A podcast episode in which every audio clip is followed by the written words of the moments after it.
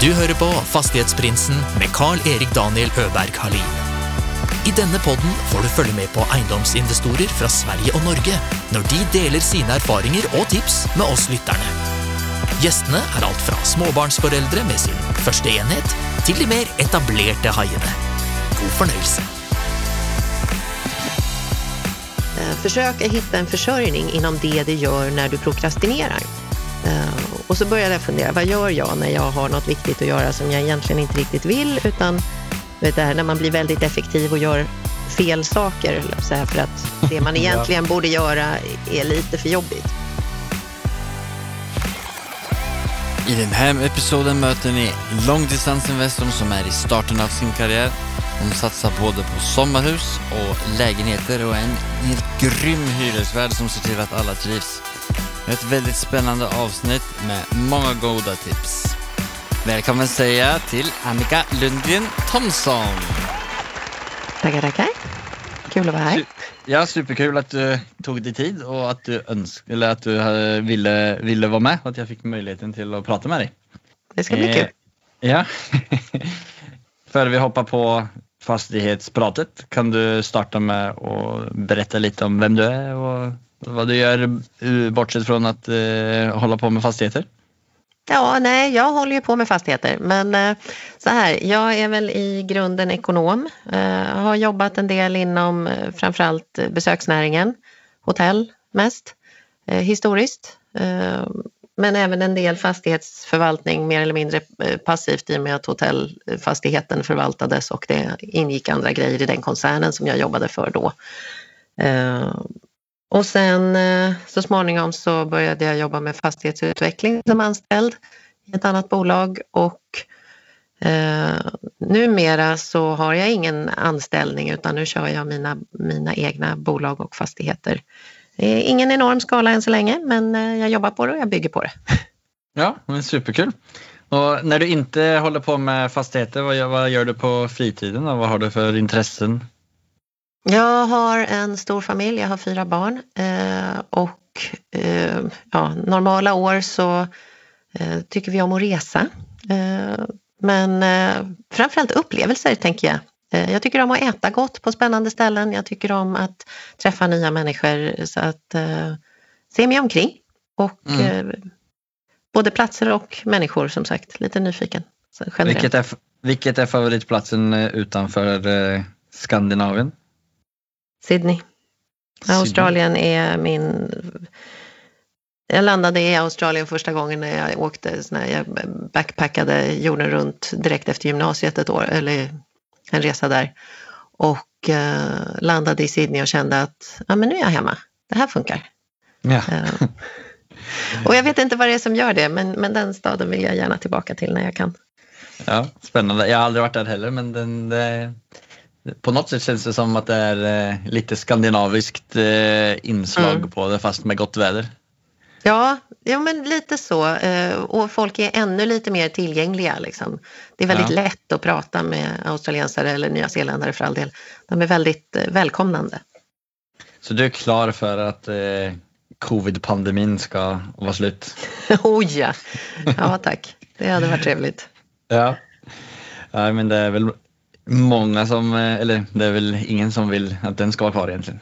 Nej, nej, men det har ju varit en, en del intressanta förändringar i samhället och, och om inte annat så har det ju lärt en hur man prioriterar. Eh, det här med att faktiskt träffa folk och att kunna gå på tillställningar oavsett om det är fester eller teater eller konserter. Vad jag saknar det. Jag, tyckte det. jag visste att jag tyckte det var viktigt in, innan också men nu känns det ju eh, som avgörande för min hälsa höll jag på att säga nästan. Ja. Eh, Jag saknar jättemycket. Ja, nej, det är, eh, man, kan, man kan sitta och prata om, om många sådana här saker men det är helt klart att det har fått en förändring i, eh, i mycket. Eh, Har Ja. du märkt av någonting av det i, i din fastighetsverksamhet?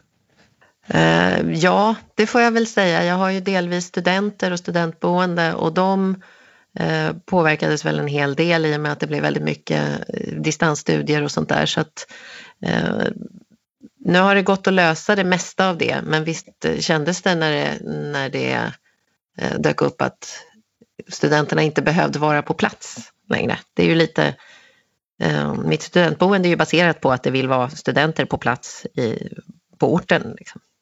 Var det flera som eh, sa upp sina eh, hyresförhållanden?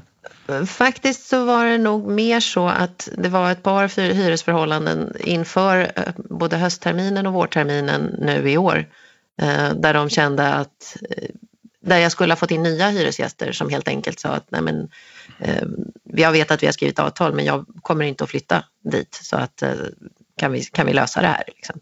Ja. Och då har, jag, då har jag släppt dem för det går inte det går inte att insistera på att någon ska betala för något i det här läget liksom, på det viset. Och det har ju i de flesta fallen löst sig ändå för min del. Så att jag tycker att det har, det har ändå gått hyfsat smidigt även om det fortfarande, jag har ett par vakanser nu under våren där folk har varit tvungna att avbryta. Liksom. Mm, okay. Eh, du, du nämner ett studentboende. Eh, mm. Vad, är det ditt första köp eller vad, hur, hur var det så att du kom in på eh, fastigheter. Du höll på en del med, eller du jobbade i hotellbranschen först. Ja, jo, nej men det är väl så här att eh, jag tänker att min, den största fördelen jag hade i inför att skaffa mig en egen karriär oavsett vad, det var väl att jag har en, en familj där det finns eh, entreprenörer.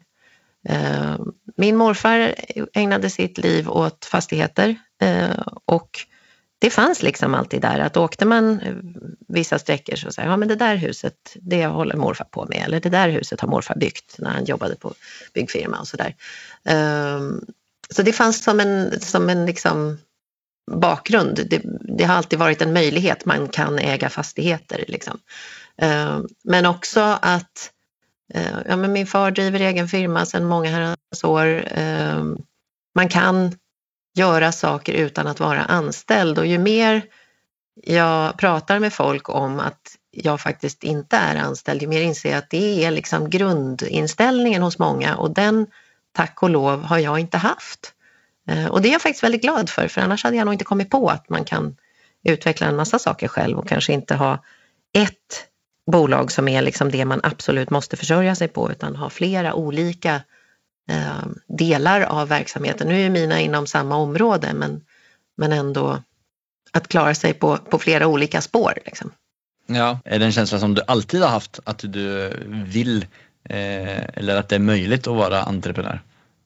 Ja och nej, det har nog funnits där att man kan ha ett bolag så. Sen så kände inte jag riktigt att det var för mig och när barnen var som minst och så var det inte riktigt, det var så skönt. Jag trivdes på mitt jobb och det var bra och, och så här i efterhand kan man konstatera att det här med att få betalt den 25 varje månad, det är ju fantastiskt trevligt. Och man får betalt även om man råkar vara sjuk, eh, även om man behöver vara mammaledig, även om man har semester får man betalt. Och man kan ha semester och koppla bort sig och man har några kollegor som tar hand om grejer och så här. Så det finns massor med som är bekvämt med det. Eh, men sen så småningom när jag, min arbetssituation förändrades lite grann, jag jobbade på ett annat sätt och så började jag känna att nej men, jag vill bestämma mer själv, jag vill eh, kunna göra saker jag tycker är roligt och disponera min tid framför allt eh, på ett sätt som, som jag väljer. Och jag vet inte var jag hörde det, men det var någon som, som sa, eller någon sån här, en bra grej som jag fastnade för var att eh, försöka hitta en försörjning inom det du gör när du prokrastinerar. Uh, och så började jag fundera, vad gör jag när jag har något viktigt att göra som jag egentligen inte riktigt vill utan du vet det här när man blir väldigt effektiv och gör fel saker för att det man egentligen ja. borde göra är lite för jobbigt. Uh, ja, men jag surfade på Hemnet och uh, räknade på Alltså räknade på saker. Jag älskar Excel. Jag har en väldig tillfredsställelse i att varje månad räkna ihop utgifter och inkomster och liksom se över eh, privatekonomin och sånt där. Och då tänkte jag att ja, men då får vi ju kombinera det. Och då blev det fastigheter.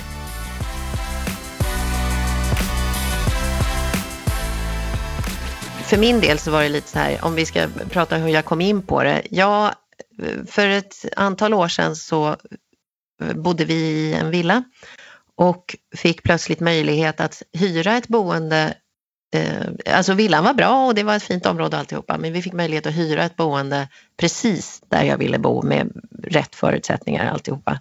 Eh, där ungarna trivs och, och så. Eh, och kände att ja men då gör vi det. Eh, och eftersom vi hyrde det boendet och fortfarande gör faktiskt så eh, kunde vi behålla villan. Och då måste ju den hyras ut eh, för den kan ju inte stå tom och det liksom, ja, för att finansiera eh, den avsevärt högre hyran och så vidare också. Eh, och då började vi hyra ut den och det här med att ha en inkomst av någonting man äger och hyr ut är himla trevligt. Eh, även om man naturligtvis ska skatta på alltihopa och sådär så är det ju ändå det känns ju som en passiv inkomst även om min erfarenhet är att passiva inkomster är aldrig särskilt, det är aldrig helt passivt. Man måste alltid ägna sig lite åt dem också. Och ha hyresgäster är ju definitivt inte en, en passiv inkomst så, utan det måste man faktiskt göra. Det är bara det att man inte gör det mellan åtta och, och fem och man gör det på, på ett annat sätt. Liksom. Ja. Eh, så det var väl det första. Liksom. Så det var eh, det första smaken på, eller egentligen doppa tån in i, i fastighetsbranschen. Det var det, det var det. Och sen så kom nästa steg var inte heller enormt, eh, för jag kan inte säga att jag säger åh, där bestämde jag mig för att satsa på fastigheter. Utan nästa steg var att en eh, god vän och tidigare kollega, eh, vi åt lunch och hon hade på gång att hon skulle köpa en stugby eh, på Gotland. Och jag har ju då halva släkten på Gotland och tyckte att det där lät ju som en jättekul idé. Eh, men vi pratade om det för hon hade ju liksom tittat på det där och det var hennes affär och alltihopa. Men sen så efter lunchen så kände jag att ja, men jag slår en signal i alla fall och säger att om hon bestämmer sig för att inte köpa det där eller lägga ett bud så skulle jag gärna göra det. Jag vill inte konkurrera med henne om budet men jag ville ändå säga att jag har, det där lät intressant. Eh, och då ringde hon upp och så sa hon, ja men ska vi inte göra det tillsammans då? Och så gjorde vi det. Eh, det blir ju alltid lättare att dela på ett projekt, eh, åtminstone initialt så har man ju, det är ju halva insatsen liksom. Och det var väldigt roligt och väldigt lärorikt och inte ett för stort projekt. Vi har 12, eller vi var det gemensamt från början, numera så är det jag som har det själv. Eh, det är 12 stugor i Tofta på Gotland så det ligger ganska nära Visby och eh, ganska nära vattnet. Eh, ganska enkel standard, men det är öppet på sommaren. Det gick alldeles utmärkt att ha som ett sidoprojekt medan jag jobbade, även om det i perioder tar mer tid. Det var också ett roligt sätt att, att tänka att ja, men här kan det ju också trilla in en slant och jag kan få jobba med hotellbranschen, för då jobbade jag som fastighetsutvecklare och saknade väl inte hotellbranschen jättemycket, men det är ändå lite kul att ha större omsättning på folk för att eh, hyresgäster eller som det var då eh, bostadsrättsinnehavare, de har man några stycken och under väldigt lång tid medans stugor och eh, ja, turism är ju ett helt annat tidsperspektiv och en helt annan volym för att det ska funka. Så att, eh, det är roligt med bägge. Ja, alltså, Tofta och Gotland är ju en superfin eh, turistort. Eh, eller, mm. eller Gotland i sig är ju superfin året runt men eh, Eh, det är ju det, men det fattar ju inte folk. Men, men sommaren är ju liksom på något vis högsäsong där och det är ju egentligen inte särskilt många veckor som är de riktigt bra veckorna om man tittar på turismen. Men hela sommaren är ju jättefin på ön. Det kändes rätt för min del och kändes också som ett bra sätt att, att öka min koppling till Gotland. Eh, förutom att, att jag är släkt med en massa folk som bor där och då fortfarande hade min farmor i livet i Hemse Eh, och fick ytterligare lite skäl att åka och hälsa på henne desto mer. Så eh, ja, men jag, gillar, jag gillar ön. Mm. Och det var det... ett kul sätt att kombinera entreprenörskap med att öka min sociala koppling. Liksom. Inledningsvis så sa du att det uppfattades som att du såg det positivt att ingå ett partnerskap vid din första affär. Mm. Eh, ser du på det positivt nu också? Eh, jo, men det gör jag absolut. Jag har eh, i tidigare samtal med andra gäster så har det varit väldigt, eller inte väldigt starka meningar, men de, det har varit väldigt positiva för att Eh, eller pratar om de positiva fördelarna med att starta upp tillsammans med andra som har gjort det förr. Eh, och någon är mer för det att det är viktigt att starta på egna ben och vara, eh, känna att man står sta stadig. Vilket läger är det du står där? Jo men har man, har man en idé och hyfsad kompetens så är det väl absolut en jättebra idé att starta själv om man känner att man orkar och klarar och liksom har finansiella medel eller vad man behöver för, att, för förutsättningar liksom, så är väl det kanon. Men för min del så blev det ett mycket enklare steg in och ha någon att dela det med. Plus att det rent socialt var jättekul att ha ett projekt ihop med en människa som jag känner är Ja men hon är driftig och rolig och det var kul att kunna säga att ja men då har vi ett bolag ihop, nu måste vi ha lite möten och faktiskt göra grejer. Um, och det har varit jätteroligt och, och vad ska man säga, utvecklande, utbildande till och med skulle jag vilja säga för det här med att, att ha sitt bolag och hålla koll på ja, men momsredovisning, fastighetsskatt, eh, alla möjliga saker. Det var rätt smidigt att vara två och dela på det. Eh, jag pratade faktiskt med en, en eh, entreprenörs eller fastighetskollega för ett tag sedan som jo, gick på lite nitar i samarbeten i, tidigt i sin karriär men han rekommenderar fortfarande samarbeten varmt för han menar att han lärde sig oerhört mycket eh, på det och det blir mycket roligare när man gör saker tillsammans plus att eh, man är fler som, som får fart på det och det går ofta lite snabbare att komma igång om man är några stycken. Det var hans erfarenhet i alla fall och jag kan nog hålla med att eh, ska man starta något helt nytt så är det enklare att göra det tillsammans därför att insteget blir inte lika stort. Man, åtagandet blir lite mer hanterligt. Jag upplever att det är många som i starten av deras, eh, eller när de står och eh, funderar på vilket sätt de ska investera i eh, och om de ska gå upp i eller gå tillsammans med någon partner eller inte. Att de, vissa kanske är tveksamma på vad de kan tillföra till en affär. Låt säga då att man kanske inte har så supermycket pengar, man har kanske inte supermycket tid, man är kanske inte den mest händiga. Men du var inne på det att det är kul att göra saker och ting tillsammans. Har personligheten, är det en, eh, ett stor, en stor faktor i vem man väljer att jobba med? Ja, för mig är det så. Jag är ett socialt djur. Jag vill ju att det ska vara roligt eh, det var faktiskt lite kul för när vi tog lånet till eh, semesterstugorna i Tofta då, då var ju den affären egentligen redan uppgjord när jag klev in i den och då hörde banken av sig till mig och så sa de hej kan vi boka in ett samtal så att vi liksom får lite koll på varandra. Ja visst. Och då inledde den bankkillen med att säga att jag vill gärna höra lite mer om vem du är för att det blir inga bra affärer om man inte har trevligt ihop. Och det kan jag hålla med om. Det är faktiskt, jag tyckte det var en bra grundinställning.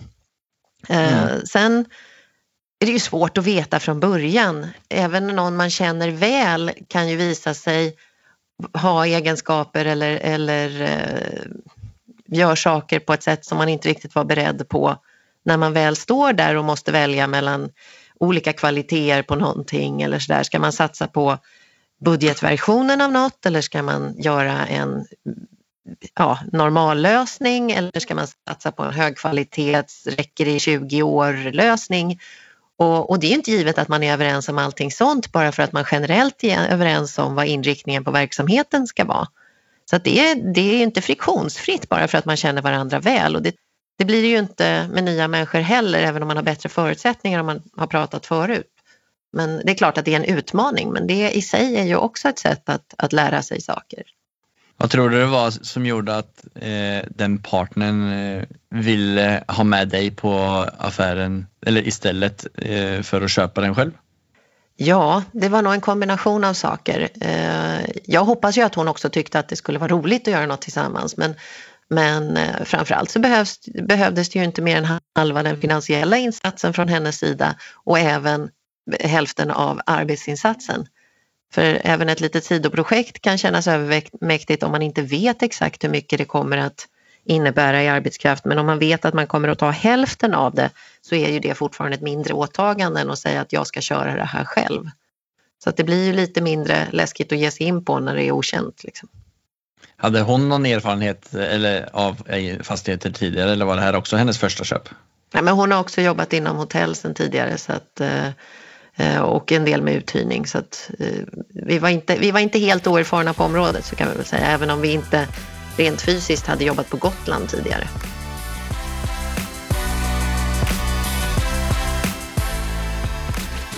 Vilket år var det här då? Det, var... det måste ha varit 16 eller 17. 16 eller 17 och så eh, har ni driftat det en stund. Ja, vad, blir, vad, blir näst, vad blev nästa steg efter det för, för dig? Sen hände det inte så himla mycket för min del på ett par år i och med att jag fortfarande var anställd. Men så skaffade jag, eh, i och med att vi, det blev lite mera Gotland så kände jag väl att det var dags att göra någonting mer åt det hållet och vi skaffade oss en, för familjens del egentligen, en sommarstuga. Eh, men eftersom vi huvudsakligen är där på sommaren numera eh, så hyr jag ut den under terminen. Så där har jag ett studentboende några studenter som bor i huset helt enkelt medan vi inte är där. Vilket är bra på flera sätt, framförallt ekonomiskt naturligtvis eftersom jag får in en hyra på ett hus som annars står tomt. Men också för husets skull för att eh, de mår inte bra av att stå tomma heller. Så att det varit liksom ytterligare ett litet steg in. Eh, och sen så småningom så köpte jag min första hyresfastighet för inte så länge sedan. Då. Okej, nej men så då det låter som att du har det här, alltså från att eh, du hyrde ut din först, eller eran eh, primärbostad först, eh, så, mm. har, så ligger det där latent i dig och, tänka att det mesta går att hyra ut eh, mm. och vad ska man säga, eh, gått bort lite ifrån den generaliserande normen då. Eh, ja, man, men det är väl just det där att min, jag tänker att tomma hus kostar pengar. Det är där det borde komma in pengar. Och folk behöver boenden överallt hela tiden. Och kan jag lösa det och dessutom tjäna pengar på det så är det idealiskt. Ja, nej, det är ju superrätt eh, inställning tycker jag med. Och, men då, då, skaffar ni, då skaffar ni ett, eh, en sommarstuga som ni använder och eh, får finansierat av studenter stora delar av året. Ja. Eller ja, du kan väl säga hur många, vilka, vilka fastigheter är det du sitter på idag? Nej, men det är väl de. Det här första huset, eh, där, i och med att vi ägde det privat också och det var vårt primärboende så går det inte att hyra ut det i evighet utan att det blir eh, för min del så hade jag tyckt det var bra att ha som plan B eftersom jag just bor i en hyresfastighet och med lite speciella omständigheter så har jag lovat att eh, om det behövs så flyttar vi ut när helst hyresvärden vill det. Eh, och då var det bra att ha ett hus kvar att bo i. Men eh, skattemässigt så, så finns det en överhängande risk att Skatteverket kommer att tycka att det där är näringsverksamhet efter några år och därför så har vi valt att avyttra det istället. Okay. Så att eh, sen är det då eh, det här fritidsboendet och eh, stugbyn och sen har jag en hyresfastighet i Gävle. Och när, när förvärvade du den fastigheten i Gävle? Det var faktiskt, vad ska jag säga, jag fick accept på budet förra året men jag tillträdde i januari. Oj, så det är ganska färskt. Ja, så det är ganska färskt. Ja. ja. Vart fann du den dealen? Den dealen hittade jag nog i... Jag söker ju lite generellt, lite beroende på hur mycket jag har att göra med olika saker. Och då och då så känner jag så här, men nu, du vet, rena Google-sökningar på hyresfastigheter till salu. Eh, jag tittar på eh, Blocket med jämna mellanrum. Där går det att lägga in bra bevakningar. Jag tittar på Hemnet ibland. Eh, men objektvision såklart också. Ja. Eh, så att, men, men lite sådär, jag gör verkligen en poäng av att då och då Google-söka det för att se vad som kommer upp med lite olika varianter på vad jag, vad jag söker. Uh, för att ibland hittar man grejer som liksom inte riktigt ligger i de vanliga kanalerna och det jag är ute efter är ju ganska min, mina ekonomiska muskler är ju inte, eller finansiella sådär, är ju inte enorma. Jag kan ju inte gå in och titta på liksom fastighetsbestånd i stil med vad ska man säga, familjebostäder eller Skanska eller sådär utan jag får ju titta på små hus som kan innehålla några lägenheter. När du gör en sån Google-söknad, eh, vart finner du saker som inte ligger ute på de traditionella mm, portalerna? Ja, men ibland så är det ju eh, mäklare som har valt att inte gå ut med objekt och ibland så är det ju specialister inom ett visst område rent geografiskt eller som bara säljer herregud, gamla restauranger eller sådär så att det är liksom väldigt specifika områden och sen får man ju fundera på eh, hur objekten man hittar är applicerbara på mina kriterier. Jag har från början när jag sökte så hade jag ett större geografiskt område jag kunde tänka mig.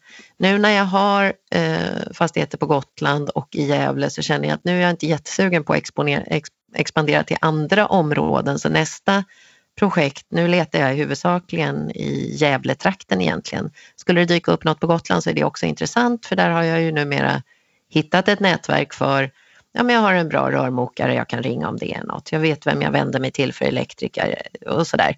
Eh, och det känns som ett grundläggande väldigt viktigt kriterie för mig att veta vem jag ringer i och med att jag inte är på plats. Jag har inte eh, möjlighet att räkna hem fastigheter i Stockholm. Jag vet inte Nej, men jag är Stockholmsbaserad men att köpa hyresfastigheter i Stockholmsområdet ser jag inte som en möjlighet överhuvudtaget därför att priserna här är inte så att jag kan motivera det med avkastning. Eh, utan då söker jag mig till områden som jag känner till sen tidigare av olika skäl och där jag upplever att jag kan etablera ett nätverk på något vis. Ehm, men jag vill inte ha hur många olika sådana områden som helst. Två är ganska bra. Jag kan möjligen sträcka mig till ytterligare något där jag känner mig hemma. Liksom. Men eh, helst skulle det vara något granne med vad jag har. Det skulle vara idealiskt. Ja, för nu är, du, nu är du inne på något spännande. Du, är, mm. du, du bor i Stockholm och du har en verksamhet, i, på, eller du har en verksamhet på Gotland, en mm. verksamhet nu i Gävle.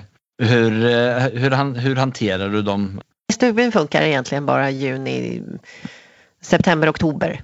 Eh, ja. Men då är det ju så här, de bästa månaderna, veckorna är ju juli, halva augusti om man ska ja, generalisera. Då. Men det är då som det är liksom lite fart på det. Eh, tidigare så, så hade jag ju en partner som, som befinner sig på Gotland på, på somrarna eh, och tog stora delar av det som behövde göras på plats under sommarmånaderna. Och eh, medan jag var där och tittade till det på våren och hösten, passade på att hälsa på släkt och sånt där eh, Eh, och skötte all bokföring och lite marknadsföring och lägga ut i kanaler så för bokningar och sånt. Eh, så att vi delade upp det så. Nu sköter jag alltihopa själv och då har vi jag tyckt att det var smidigast att ha uthyrning av någon av stugorna till eh, säsongande ungdomar som söker billigt boende och då får de bo billigt eh, mot att de hjälper mig med lite städkontroller eller slå på en eh, varmvattenberedare eller lite sådär. Det ska inte vara allt för omfattande men, men någon som jag har på plats i alla fall. Förutom då att jag har en röris jag kan ringa på om det kniper liksom, eller så. Eh, så att det sköter jag ju mest på distans. Sen så numera nu när vi har ett sommarboende så åker vi ju ner på sommaren även om vi inte är där alla veckor. Nej. Och det gör det ju också lättare för då kan jag rent praktiskt vara där. Liksom. Och, och Gävle, hur styr du det? Nu, nu ja, har du... eh, jag har egentligen lite samma koncept där. Jag har faktiskt två ungdomar som bor i en av lägenheterna där. Därför att sophämtningen i Gävle hämtar inte på gården om man inte har minst sex lägenheter i fastigheten och eftersom jag har fem lägenheter i fastigheten så måste soporna ställas fram varje fredag för sophämtningen. Och eh, då har jag eh, ett par killar som delar en lägenhet i huset och de har en liten rabatt på hyran mot att de ställer fram soporna och har lovat att hjälpa till med gräsklippningen och lite sådär. Så att de är på plats. Eh, jag hann inte vara i huset efter tillträdet i tror jag mer än en kvart förrän grannarna gick förbi och sa, jaha, är du den nya ägaren? Och så pratade jag lite med dem. Ja, då är det så att då skickar de ett litet sms om det är problem med någonting som de stör sig på eller att det är någonting. Eh, och det är också jättesmidigt. Ibland så, så är det någonting som jag inte behöver göra så mycket åt. Ibland så är det någonting som ja, jag, Gävle ligger ju på ett lagom avstånd för att jag faktiskt kan åka upp dit över dagen. Uh, och det är lite skönt, särskilt nu i början har det varit bra att göra det några gånger bara för att känna att jag har koll på läget. Uh, men det mesta går att lösa på distans. Jag, Hur långt är det till Gävle? För mig är det en och en halv timme ungefär. Men då har du eh, ett väldigt närt eh, förhållande till de som bor i lägenheterna. Eh, har, har du någon ja. annan typ av fastighetsförvaltare? Eh, som, eller Nej, det, det, har jag har inte. Det har jag inte än. Eh, jag tycker min verksamhet är så pass liten så jag har inte riktigt de jag, vill, jag, har inte kunnat ge bort avkastningen på det viset, jag säga. men det, med ett större bestånd så ser jag absolut att det skulle vara trevlig, en trevlig mellanhand och kanske lite smidigare som, som ägare. Men än så länge så sköter jag det mesta själv. Vilka eh. uppgifter är det i så fall du ser att du eh, blir de första som du ska ge bort till en fastighetsskötare? Eh, någon form av rondering vore kanon. Alltså det här som man har om man i en större fastighet eh, så har du ett avtal med något bolag som sköter eh, fastighet, ja, men fastighetsskötsel rent praktiskt. Byta glödlampa på, i garaget eller eh, läsa av vattenmätaren, lite de här små grejerna som ska göras med, med regelbundenhet eh, på plats. De Mm. eh, skulle jag nog, det är det första som kommer in på avtal tror jag, när jag, när jag känner att jag kan.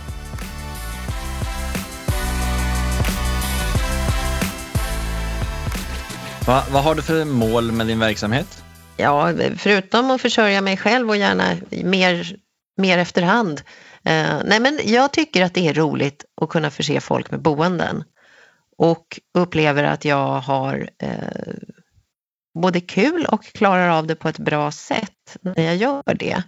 Och då, det är de här cirklarna i livet, saker man är bra på, saker som är roligt och saker man kan försörja sig på. Jag, I mitt fall så tycker jag att de sammanfaller här.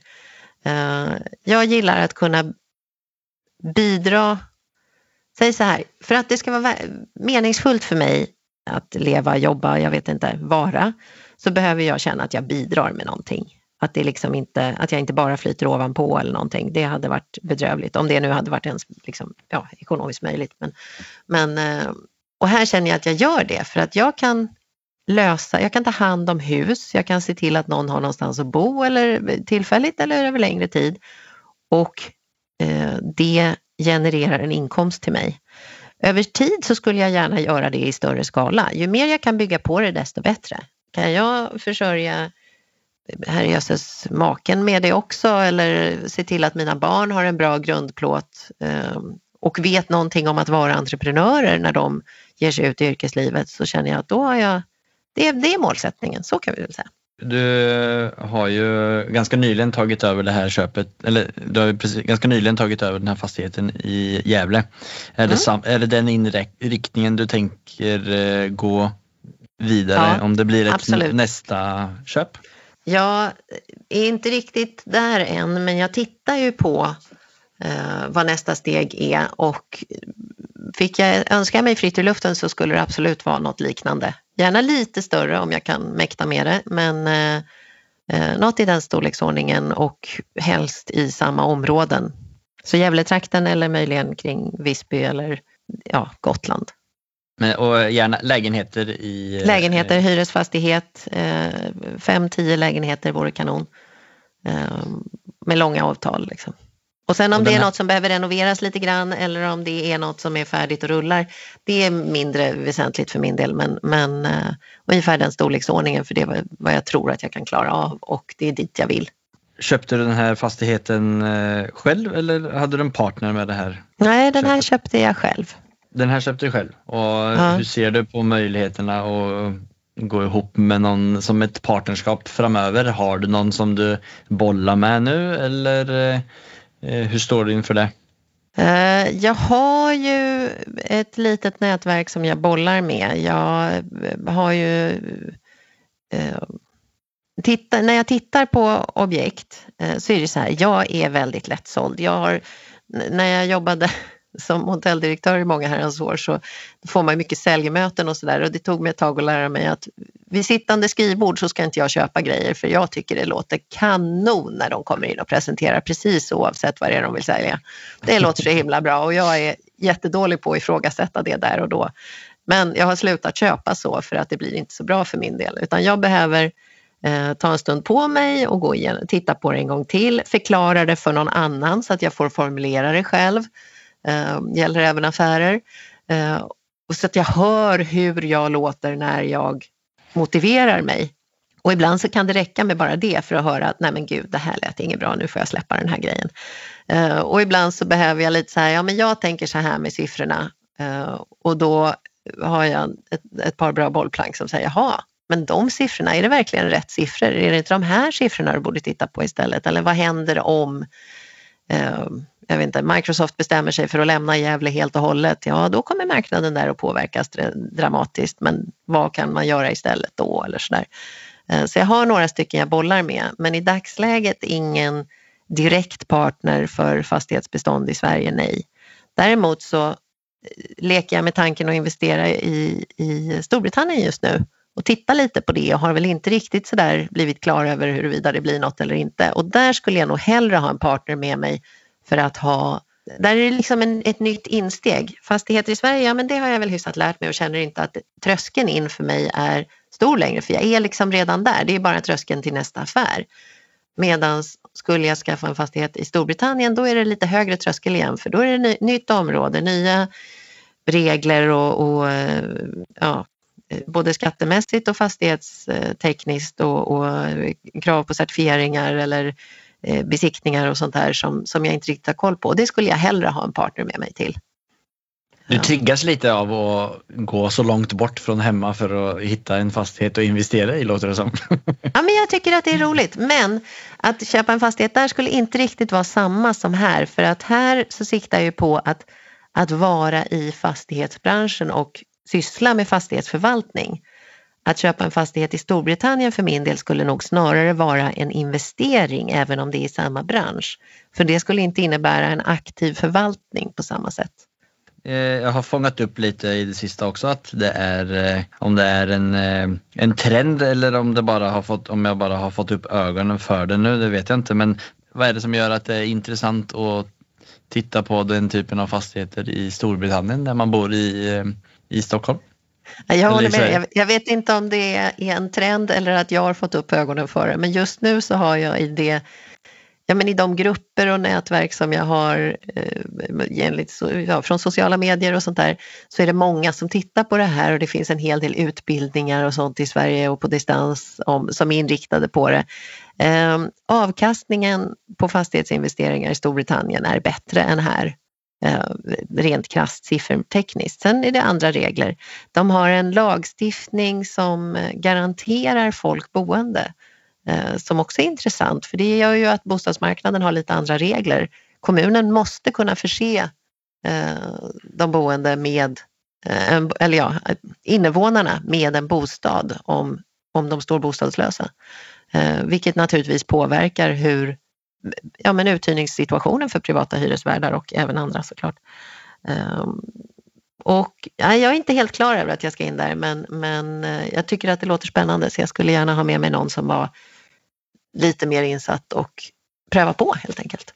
Brexit ja. gör ju också att det är både spännande och läskigt men, men uh, nu när det börjar landa så är det väl lite kul att se vad, vad som händer. Det kan ju komma en bostadskrasch med det också men hyr man ut fastigheter och siktar på att göra det på lång sikt då ska inte det spela så stor roll om det kommer en tillfällig krasch. Det kommer väl tillbaka upp någonstans så småningom ändå och hyrorna så länge man har det uthyrt kommer ju fortsätta trilla på. Så att, ja, jag tycker det är intressant. Har du några preferenser på PAL eller på ett objekt eh, som eh, checkar av alla boxar för att det här är ett superbra köp för Annika? Ja, initialt så, så tittade jag nog inte på hus som var eh, allt för mycket jobb på. Eh, med tanken att jag vill inte driva byggprojekt, jag vill hyra ut. Eh, nu känner jag mig väl lite kaxigare på den punkten, det skulle jag väl kunna göra. Men, men eh, från början när jag tittade så ville jag att det skulle vara inga besiktningsanmärkningar på taket eller fukt eh, och gärna dränerat i modern tid så att man visste att det var hyfsat okej. Okay. om det var källare så definitivt dränerat och annars så åtminstone så att man inte kände att det här var någonting som behövde liksom undersökas i närtid eftersom det känns som ganska stora investeringar om man måste göra det. Det, kan bli så stora skador av att ha fukt i grunden eller sådär och, och dyrt. Eller för all del ett läckande tak. Eh, jag vill ha eh, badrum som har våtrumsintyg och eh, el som är eh, korrekt utförd naturligtvis. Liksom. Sån här, veta att byggnaden står och går som den är. Även om det behöver göras saker, man kanske måste måla om den eller koppla om, liksom göra elmätningen kanske är fel för lägenheten eller något sånt Alltså det spelar inte så stor roll, men, men de stora grejerna vill jag ha på plats. Eh, ett läge där jag känner att jag har koll Eh, och i hela Sveriges geografi så är inte det så stora områden där jag känner att jag har koll, men några ställen där jag har sommarjobbat som barn eller har kontakter, vänner som bor eller där vi har haft sommarhus när jag var liten och sånt där. Där känner jag att då vet jag lite mer om det. Ehm, där jag har kontakter som ägnar sig åt motsvarande verksamhet har ju också varit eh, bra. I Gävle så har jag en, en gammal kollega som, som har eh, också en hyresfastighet av motsvarande slag och sådär. Det, det hjälper ju jättemycket eh, när jag behöver hitta mitt nätverk. Liksom så. Eh, så det är väl sånt som jag har letat efter primärt. Eh, och från början när jag tittade så tänkte jag så här, ja men jag kanske ska ha någon gammal hotellverksamhet eller någonting, för det har jag ju koll på. Tills jag kom på att jag vill faktiskt inte vara hotellchef dygnet runt, året runt, alla dagar i livet eh, längre. Jag har testat det eh, och då kom jag fram till att men då, ska, då är det inte den sortens verksamhet jag ska titta efter. Eh, men, men av ren sån här, det här kan jag, så var det det jag tittade på ganska länge. Eh, utan att göra någonting åt det, men lite för att det var liksom bekant.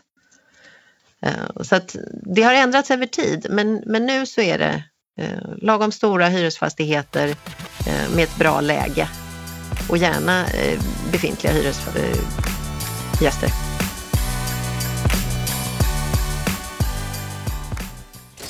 It has not been easy for me. And, you know, I, I started off in Brooklyn. My father gave me a small loan of a million dollars. Affärsanalysen. Eh, då har vi kommit fram till ett segment som heter Affärsanalysen där våra gäster tar oss igenom en eh, köpt affär. Så har du eh, tänkt igenom någon, någon affär som du vill dela med dig om? Ja, men det får ju bli hyresfastigheten då, eftersom det är det som är min, mitt tänkta huvudområde framöver också. Ja, spännande. Köpa ett, en sommarbostad, höll jag på att säga, det, det, är det nog fler som kan göra och, och hyra ut. Och, och, den tanken får man plantera som sådan. Men där är det ju sällan just lönsamheten som är det avgörande utan jag tänker att ska vi räkna på case då får det bli hyreshuset. Ja, men bra, bara kör igång. Det, var, det är en fastighet i Gävle. Ja. Det var, hur många lägenheter var det du sa att den hade? Den har fem lägenheter. Eh, köpte du den privat eller köpte du den i ett bolag? I bolag. Jag hade faktiskt ett aktiebolag sedan innan för att jag var på väg att göra en annan affär för några år sedan som sen föll igenom. Men, eh, så att jag har i princip skapat ett eget bolag för just den här fastigheten. För att ha den. Och så tänker jag att om jag någon, sån, någon gång vill sälja den så ligger den i ett eget bolag eh, och någon kan ta över den i bolagsform. Det har ju för och nackdelar, man får ta med sig någon annans bokföring för all del. Eh, men man får ju också, man kommer runt panten. Ja, och hur stor är panten i... Ja, lagfart ska jag säga, men ja, så.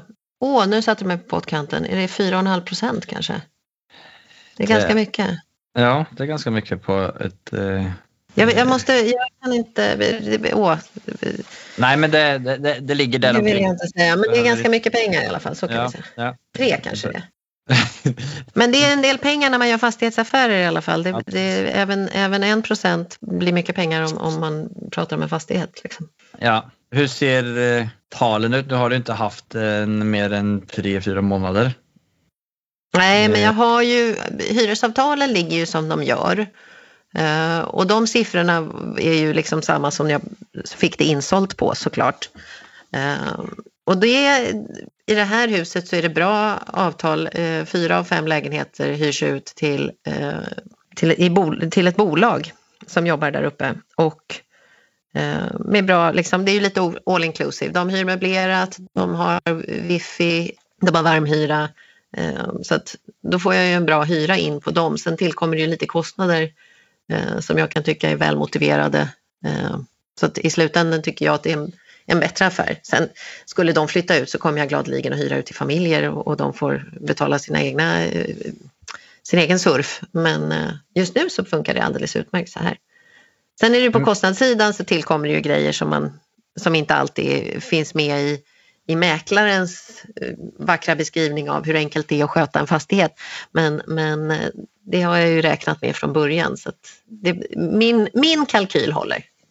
Hur mycket, mer, hur mycket mer kostnader var det än vad mäklaren skrev i eh, Nej, men Det är sådana här små detaljer. Sophämtningen var naturligtvis på ett minimum och det visar sig när jag tar över att eh, där har de väl mer eller mindre sagt att de, de tycker att den ska utökas.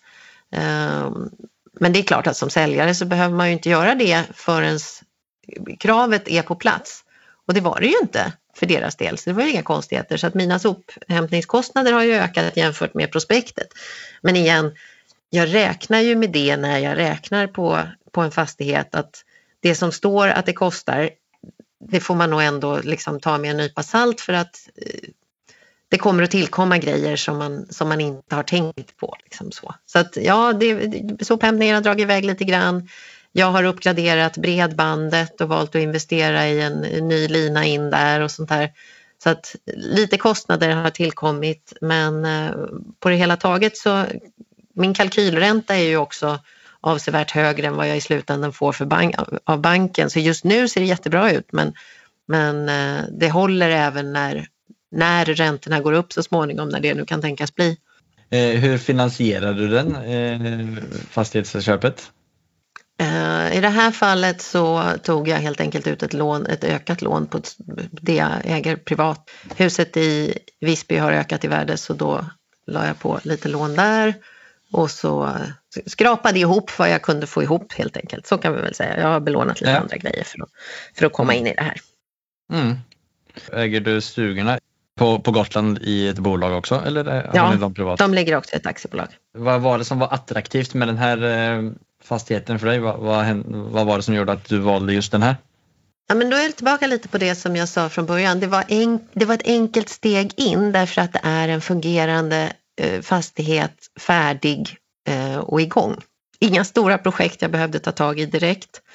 Uthyrningen var i, i princip eh, klar. Det visade sig efter, efter att vi hade skrivit men innan tillträdet att en av eh, hyresgästerna sa upp sig. Ja, sånt får man ju liksom räkna med. Så då fick jag hitta en ny hyresgäst. Men å andra sidan kunde jag välja ändå som jag hade direktkontakt med och som, som därmed blir min hyresgäst snarare än att jag har ärvt dem från tidigare ägare.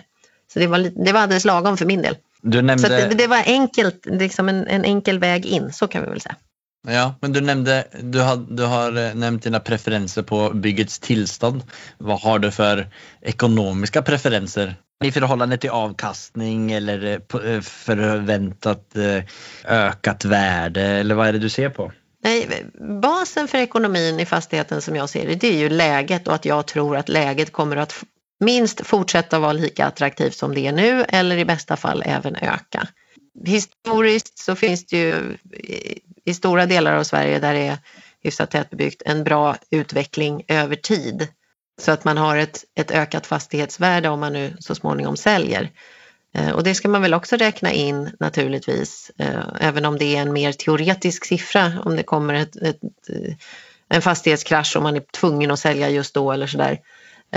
Men framförallt att, att hyrorna känns tillförlitliga så att jag vågar lita på att omsättningen stannar. För kostnaderna går ju att, att kontrollera på lite mer kortsiktigt så kan man väl säga. Krävs det så kan jag springa där och skotta snö och, och eh, byta glödlampor och vad det nu är för någonting utöver det jag redan gör. Liksom. För, att, för att minska kostnaderna så mycket som möjligt. Men eh, hyresnivån eller, och att hyrorna faktiskt kommer in är det som för min del känns avgörande. Att vara säker på att de avtal som finns är, om inte, ja, inte nödvändigtvis att, att just de här hyresgästerna stannar kvar i evig tid utan att om jag får vakanser så har jag en möjlighet att hyra ut det. Det är ju basen för min ekonomi. Sen vill ju jag ha en avkastning på eget kapital. Ja, vad ska jag säga? För min del så, så eh, jag gör en, en, grundanalys när jag tittar på en affär som är väldigt basic. Den går ut på eh, vad kostar huset? Eh, hur stort lån får jag på det? Vad är uppskattad driftkostnad i, enligt säljaren och eh, jag lägger på minst 50 procent beroende på vad det är för hus. Eh, och vad får jag för avkastning då? Och är det över 10 då tycker jag definitivt att det är värt att räkna på om man då tar bort räntekostnaden. Och sen så går jag in i detaljer och lite beroende på vad situationen är så har jag lite olika krav på, på avkastning och eftersom hur sannolikt det är helt enkelt. Och det här är en affär som är över 10? Den var i den initiala, alltså som mitt överslag börjar där. För hade den inte varit där, då, för då vet jag att då har jag liksom bara räknat väldigt grundläggande. Sen måste jag ju ner och analysera lite mer sådär. Jaha, vad kommer jag, bankräntorna, vad ska jag räkna med som mitt grundscenario och då lägger jag räntan högt. Vad tror jag egentligen att det blir? Ja, då är liksom den mer realistiska låneräntan beroende på eh, situationen och hur hög andel jag har och sen så ska man ju räkna in så småningom att det ska amorteras och, och, och cashflow och så vidare. Men ja, det är där jag börjar. Eh, sen har jag förmånen att ha en, en bra siffernisse, det låter ju så dumt men, men eh, som jag sa, jag är lite lättsåld och eh, ifrågasätter inte grejer så himla mycket. Och då har jag å andra sidan människor kring mig som jag kan fråga. Jag måste stämma av med en skattejurist. Är det här en, liksom stämmer allting för mig och bolagsmässigt och så här. Det var ju ännu viktigare det som jag, när jag köpt privat och velat hyra ut att jag gör rätt, att det inte liksom, ja men som i huset som vi var tvungna att sälja som sagt för att eh, skattemässigt så är det inte försvarbart att göra det för att näringsverksamhet blir, det, det blir ju inte alls samma lönsamhet på, det blir väldigt mycket mer skatt. Eh, och det vill jag inte, jag, jag kan inte måste se till att jag följer lagar och regler och att det i slutändan också blir lönsamt. Och då behöver man ha någon som verkligen kan svara på, betalar jag rätt skatt på det här eller hur mycket skatt kommer det att bli om jag gör så här? Så att jag har med det i, i analysen. Men också eh, någon som är bra på att räkna den här fastigheten, eh, de här siffrorna, är det realistiskt? Eh, hur ser avkastningen ut över tid?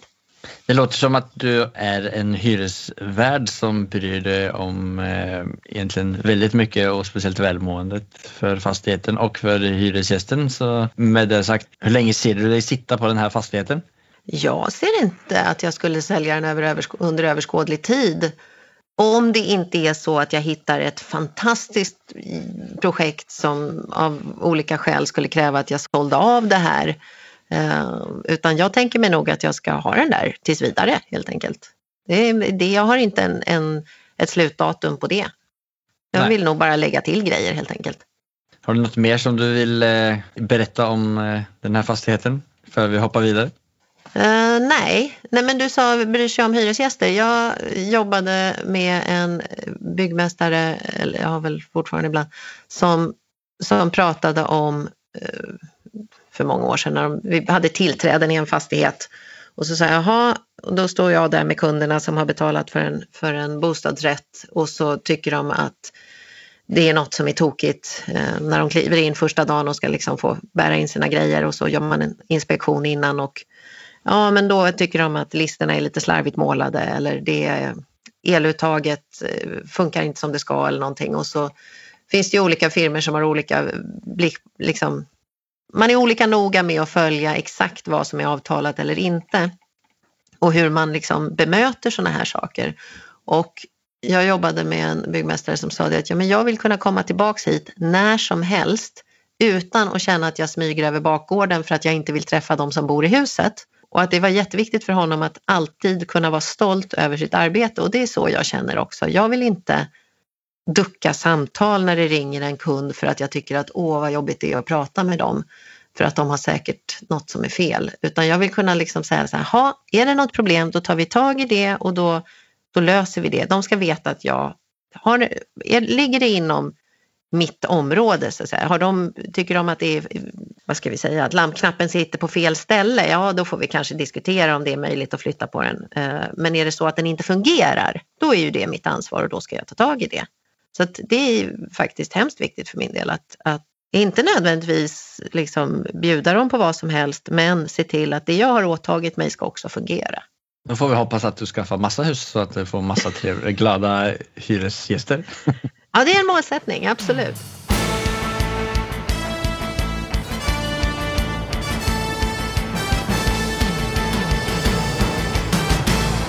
Cuatro preguntas. Vi hoppar vidare till nästa segment som heter mm. Fyra frågor. Den första frågan. Vad är det som skiljer en framgångsrik entreprenör mot de som inte lyckas, slutar eller aldrig kommer igång? Ja, eh, spontant vill jag säga entusiasm. Eh, för jag tror att man är framgångsrik om man har roligt med det man gör och ser till, ja, för all del, och ser till att man har kompetens att göra det. För att jag skulle säkert tycka att det var jätteroligt att resa med cirkus men jag skulle inte kunna försörja mig på mig för jag är inte bra på det. Um, ja, men så, man måste nog ha lite kompetens också men, men tycker man att det är roligt så kommer man ju att skaffa sig kompetensen. Och mm. sen mm. se till att man har en bra grund. Om inte den här strategin funkar, vad är min plan B? Vad är min plan C? Om, ja, herregud, för, för några år sedan hade man tyckt att det var larvigt att säga, men om hela världen stänger ner och ingen får gå hemifrån på ett år, hur gör du då? Nu är det ju också en strategi man får ha liksom inbyggd i att, jaha, kan du övergå till att göra det du vill göra webbaserat? Kan du göra det du vill göra utan att kunna besöka platserna som det handlar om eller sådär? Men för min del så, så har jag nog alltid tänkt just det där, plan B, plan C, plan D. Kan jag lösa det här? Liksom? Eh, Man är förberedd och... Entusiasm rätt, och förberedelser, ja. Jättebra svar. Fråga nummer två. Om du hade obegränsat med pengar, alla fastigheter i hela världen var ute på marknaden, vilken hade du köpt då? Jag hade inte köpt en, jag hade köpt flera i samma område och det är inte nödvändigtvis sådär Just nu så skulle jag säga Gävle bara för att jag tycker att Gävle är roligt och jag har börjat där. Eh, det är klart det vore kanon att ha ett fastighetsbestånd i Sydney som vi pratade om initialt också men jag tror inte att jag skulle ha gjort det ändå för jag vill fortfarande bo i Sverige. Eh, det vore kul att ha någonting som man kunde hälsa på men, men där, där kan man inte hälsa på så ofta så att jag kan motivera att ha en verksamhet. Då får det väl kanske vara Storbritannien då, ett, ett lagom trevligt block of flats, eh, hyreshus eh, med flera lägenheter som man också kan hitta, hälsa på ibland men, in, men ha ett team på plats för. Du har gått för eh, lägenhetskomplex och inte eh, kört på hårt och eh, köpt upp operan på, i, i Sydney? Nej, nej det, jag tror inte jag skulle vara tillräckligt bra på det helt enkelt. Det, Det, hellre de med lite hyresgäster så jag har någon att prata med sådär. Det är ja. ja, men det är bra. Fråga nummer tre. Bästa boktips för en som är intresserad i fastighetsinvestering? Ja, men det finns ju massor med folk som har skrivit om eh, fastigheter så. Jag skulle nog, ja det är klart, nej jag har inte ett specifikt fastighets, eh, en fastighetsbok jag tycker. Däremot så finns det ju, jag skulle nog hellre gå på en bok om entreprenör, entreprenörskap eller att, eh, att tänka i nya banor om man nu inte har varit entreprenör från början. Liksom. Så att, ja. eh, jag är lite dålig på att säga en specifik bok. Lä läsa böcker överhuvudtaget, det gjorde jag jättemycket innan jag sa upp mig eh, för att jobba bara med fastigheter. Eh, ja. För att få inspiration och bara ha förebilder på något vis. Människor som har gjort saker som inte var liksom, enligt normen. Jag läste, eh, i och för sig ganska nyligen, men en bok av eh, eh, Björn Attiko Lindberg som skriver Jag kan ha fel, eller det är möjligt att jag har fel, jag kommer inte ihåg exakt, men som handlar om att, att liksom sådär, han hade en karriär och som ekonom, liknande bakgrund faktiskt, som ekonom från Handels Eh, Eh, och hade ett framgångsrikt sånt jobb och kände att det funkade inte. Han behövde göra något helt annat och sen blev han skogsmunk i Thailand i många herrans år och sen så har han blivit föreläsare efter det och det. Liksom. Men han har gjort annorlunda saker. Sånt gillar jag att läsa för att jag, inte branschspecifikt, men känslan av att testa nya grejer och se vad som funkar, inte utifrån hur alla andra gör utan hur jag skulle kunna göra det och vad jag tycker skulle vara roligt att göra. Det var supermotiverande. Den där ska jag mm. kolla upp själv och så ska jag se, läsa den. Fråga nummer fyra. Nämn det mest storartade, roliga eller minnesvärda sättet som du har firat en genomförd affär på. Alltså jag är lite tråkigt eh, dålig på att fira. Jag, jag, kan fira så som i att det kan tas ett glas vin på en tisdagkväll för att nu, nu har vi bestämt att vi ska göra det här eller jag har bestämt att jag ska investera i något eller så. Uh, och eftersom jag nu tycker om att äta gott så är det lätt att säga att ja, men okej, då tar vi ett restaurangbesök med goda vänner och går på något extra trevligt ställe. Bara för att jag faktiskt kan säga att ja, men nu, nu har jag fått det här på plats. Men firande är egentligen himla viktigt. Så det, det är en utmaning jag har att bli bättre på, så kan vi väl säga. Ja, ja men det är bra. Då ska jag följa upp dig på det här vid ditt nästa köp. ja, men det låter som du firar lite hela tiden. Ja, ehm. jo, men jag försöker faktiskt se till att fira de där segrarna. Jag, jag ska inte säga att jag tycker om att ta ut glädje i förskott, men jag, jag försöker aktivt jobba på att inte oroa mig för saker, men se fram emot saker så att jag kan tycka att det är roligt att det ska hända och när det faktiskt händer. Och om det inte händer så har jag i alla fall haft roligt när jag tänkte att det skulle hända. Istället för att oroa mig för någonting som kanske inte händer och därmed få oroa mig för det kanske i onödan eller där, två gånger. Mm. Um, så att ja, det är väl en inställningsgrej. Men, men därmed så får man ju också lite mer att fira. Så att småfiranden, absolut, det, gör ja. jag. det kan jag göra lite nu och då. Ja, ja men det är bra. Har du något sista tips till eh, alla som eh, önskar att komma in på fastighetsbranschen? Alla nya investerare? Ja, men att vara påläst och försöka hitta vad det är man vill göra och kanske inte snöa in på att oh, men jag ska absolut ha minst fyra lägenheter som ska ligga inom två kilometer från Sandvikens centrum och de ska ha eh, plåttak. Eh, utan tänka lite brett sådär och, och fundera på vad kan jag tänkas klara av utifrån, för min del så var det helt avgörande att titta på vad som fanns ute. Av allt som ligger ute till försäljning, vad kan jag ro i land? Eh, tänka lite större ekonomiskt än vad man tror att man klarar bara för att titta på möjligheterna.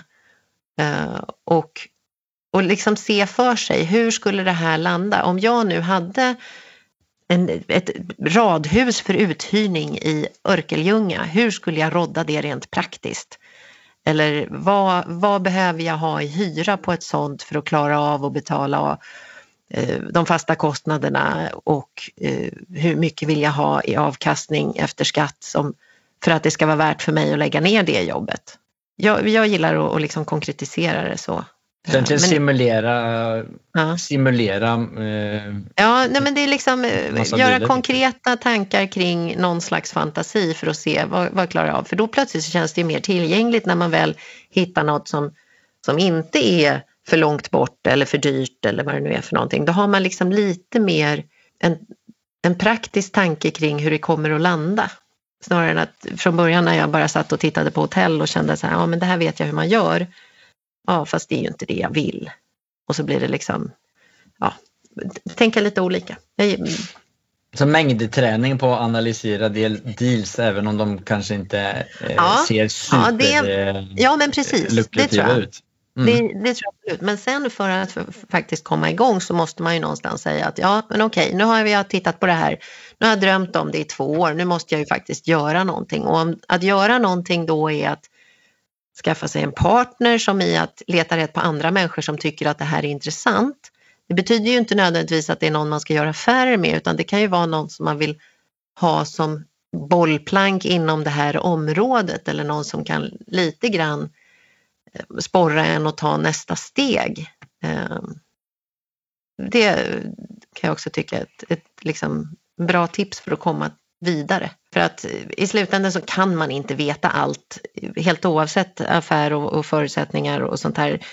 Jag har ingen aning, det kan komma en annan pandemi imorgon eller det kan bli så att alla hyresgäster säger upp sig samtidigt av något skäl.